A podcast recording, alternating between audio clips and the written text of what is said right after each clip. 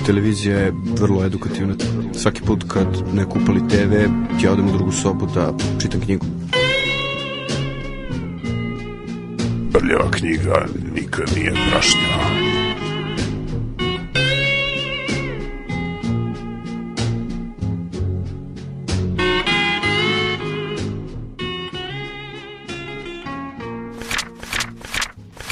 I stigli smo do poslednjeg dela emisije stalna rubrika Jedan pisac, jedna knjiga. Danas predstavljanje knjige Teze pisca Andre Žida. Jeste. E, Andre Žid je za razliku, neko će reći, od nekih drugih a, autora o kojima smo govorili u dosadašnjim radio galaksijama, neko ko je apsolutno nesporna veličina. Dakle, dakle Žid je da, obeležio francusku prozu, da kažemo, na prelasku iz 19. u 20. vek. Bio je jedan od osnivača 1909. čuvenog časopisa NRF, odnosno Nouvelle Revue Française. A, ono što čovjek je dakle bio veliki inovator, veliki modernista, rodio se 1869 umro 1951. Znači u tom na prelasku iz ono 19.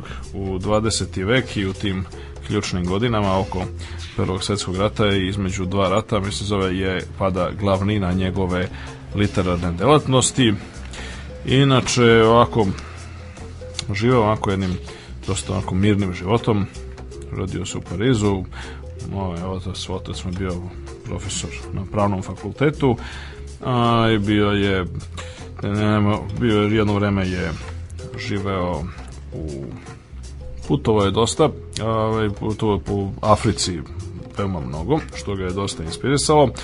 Ovaj po ostalom svetu. E, bio je kao i mnogi a, e, drugi ljudi, mislim, zove svoje generacije, ubeđeni levičar, s tim što 1000, oko 1930. godine je se okrenuo komunizmu, a relativno brzo se razočarao, pošto već 36. godine je, se, je bio u poseti na Sovjetskom savezu, kome su mu odane o, ovaj, razne počasti, to je veza sa našom prethodnom temom, između ostalog je bio jedan od glavni, jedan od glavnih govornika na pogrebu Maksima Gorkog, uze bude rečeno smrt Maksima Gorkog nikad nije baš u potpunosti razjašnjena, kažu da je čovjek bio ovako relativno dobrog zdravlja, mislim zove dok mu nisu rekli da treba da se operiše, mislim zove i tako, tako da je ovaj, to ostalo i dalje prilično, prilično misteriozna stvar, ali ovaj Žid je video šta je video i onda je napisao knjigu Povratak iz Sovjetskog saveza koja je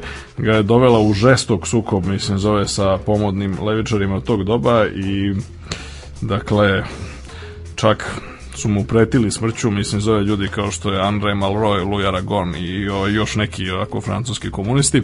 A, međutim, čovjek je jednostavno je raskrinkao taj mit vrlo efikasno i vrlo ubedljivo u vreme kad su mnogi, nažalost, odabirali da zatvaraju oči i da, i da veruju u njega. Uh, mnogi čak i mnogo, mnogo kasnije, nažalost, ljudi kao Sartre i uh, Simon de Beauvoir i drugi. Uh, dakle, Žid je od znači svojih glavnih literarnih dela imao najpoznatiji roman koji je kod nas doživao više izdanja, Kovači lažnog novca, ili falsifikatori napisao 1926. To je bila jedna od prvih knjiga u kojoj se otvoreno govorilo o aktuelnoj temi homoseksualnosti. A, sam Žid, inače, iako je bio dva put oženjen, je se smatrao biseksualcem i ovaj, bio je jedan od ljudi prvih koji su govorili o tome jako otvoreno, za ono što je interesantno, on je o tome govorio sasvim otvoreno vreme do kako se setimo priče o Turingu, mislim zove Turing je mm -hmm. ono, doživeo ono što je doživeo i završio onako kako je završio, jako nesrećno, što pokazuje da je bilo stvari u kojima je Francuska, mislim zove sredina bila ipak daleko liberalnija recimo nego Britanska.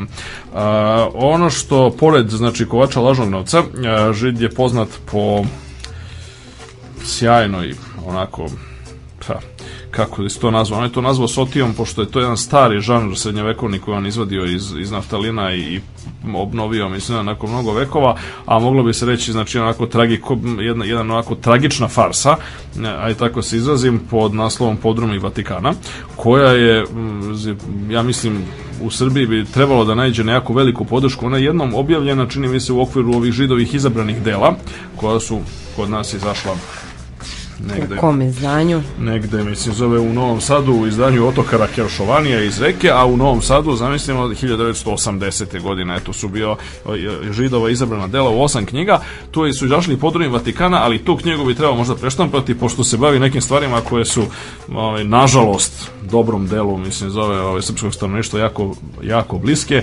Sa jedne strane se bavi teorijama zavere, a s mhm. druge strane, mislim, zove pak ovaj, osnovni ono, centralni događaj u ovaj delu je jedno ali bukvalno bezrazložno ubistvo tako da mm.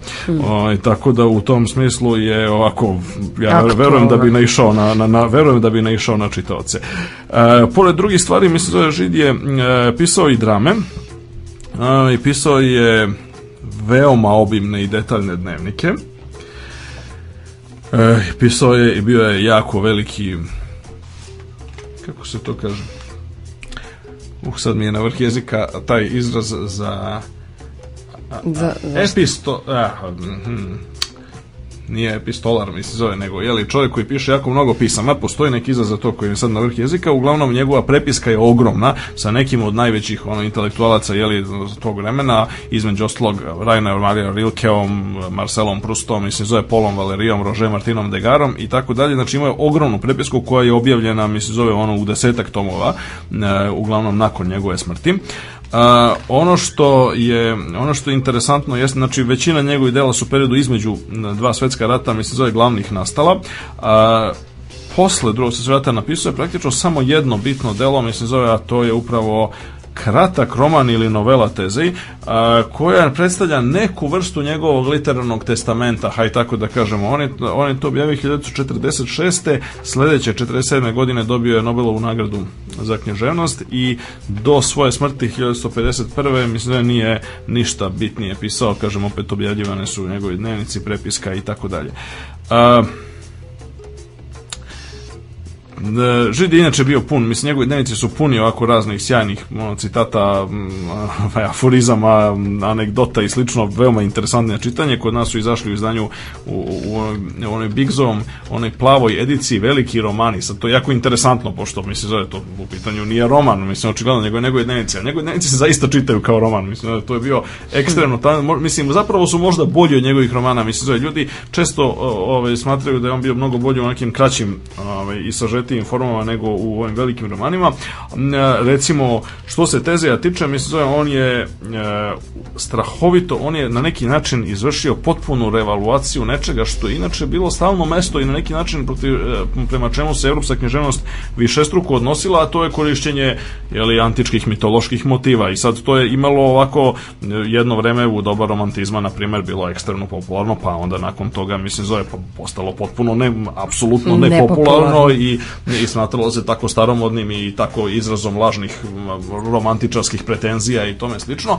E, a Žid je tome dao jedan fantastično moderni mislim da i nakon Žida nije čudo da su nakon toga drugi ljudi napisali mislim ne znam George Steiner, Steiner je napisao onu kritičku studiju koja je pokazao mislim zovemo koju je ono, prosto pokazao kako izgleda recimo čemu služe moderne verzije Antigone na primjer i drugih mm. ovih antičkih mitova i a, zato što e, Židov teze koji je napisan u vidu memoara i koji je, znači, Tezeja atinskog kralja, zapravo osnivača Atine, a posredno, posredno na taj način, mada se to naravno ne kaže, pošto on baš nije išao toliko u anahronizam, ali posredno i oca, hajde da kažemo, demokratskih i liberalnih tendencija je, znači, njegova, njegovo sećanje na razne stvari koje su mu se dešavale već pod kraj života, on je ugledan kralj u Atini, ugledan stari i tako dalje, on se prisjeća šta se sve dešavalo raznih susreta koje je imao sa što autentičnim ili bar autentičnim u okviru mitološkog konteksta, što potpuno izmišljenim likovima.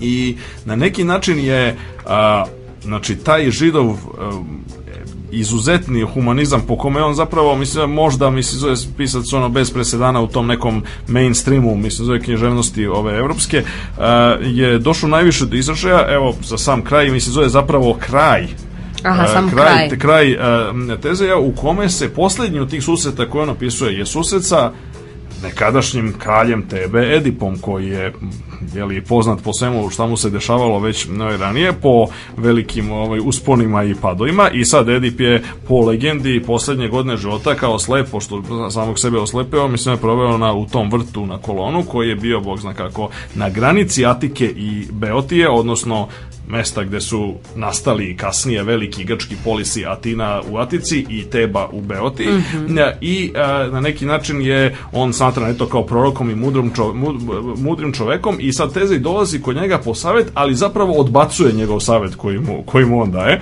zato što mu Edip daje savet, mislim da se posveti eto tako duhovnim e, usavršavanju sobstvenom i tako dalje, a Tezej zapravo odbacuje njegov savet i baš insistira na tome da on svejedno, mislim zove što možda nije, mislim zove toliko uz uznapredu u saznanju, treba da živi, kako bi rekli, aktivnim životom i da se, da radi u praksi, mislim zove na tome da a, život njega i njegovih sunarodnika a, bude sve bolji.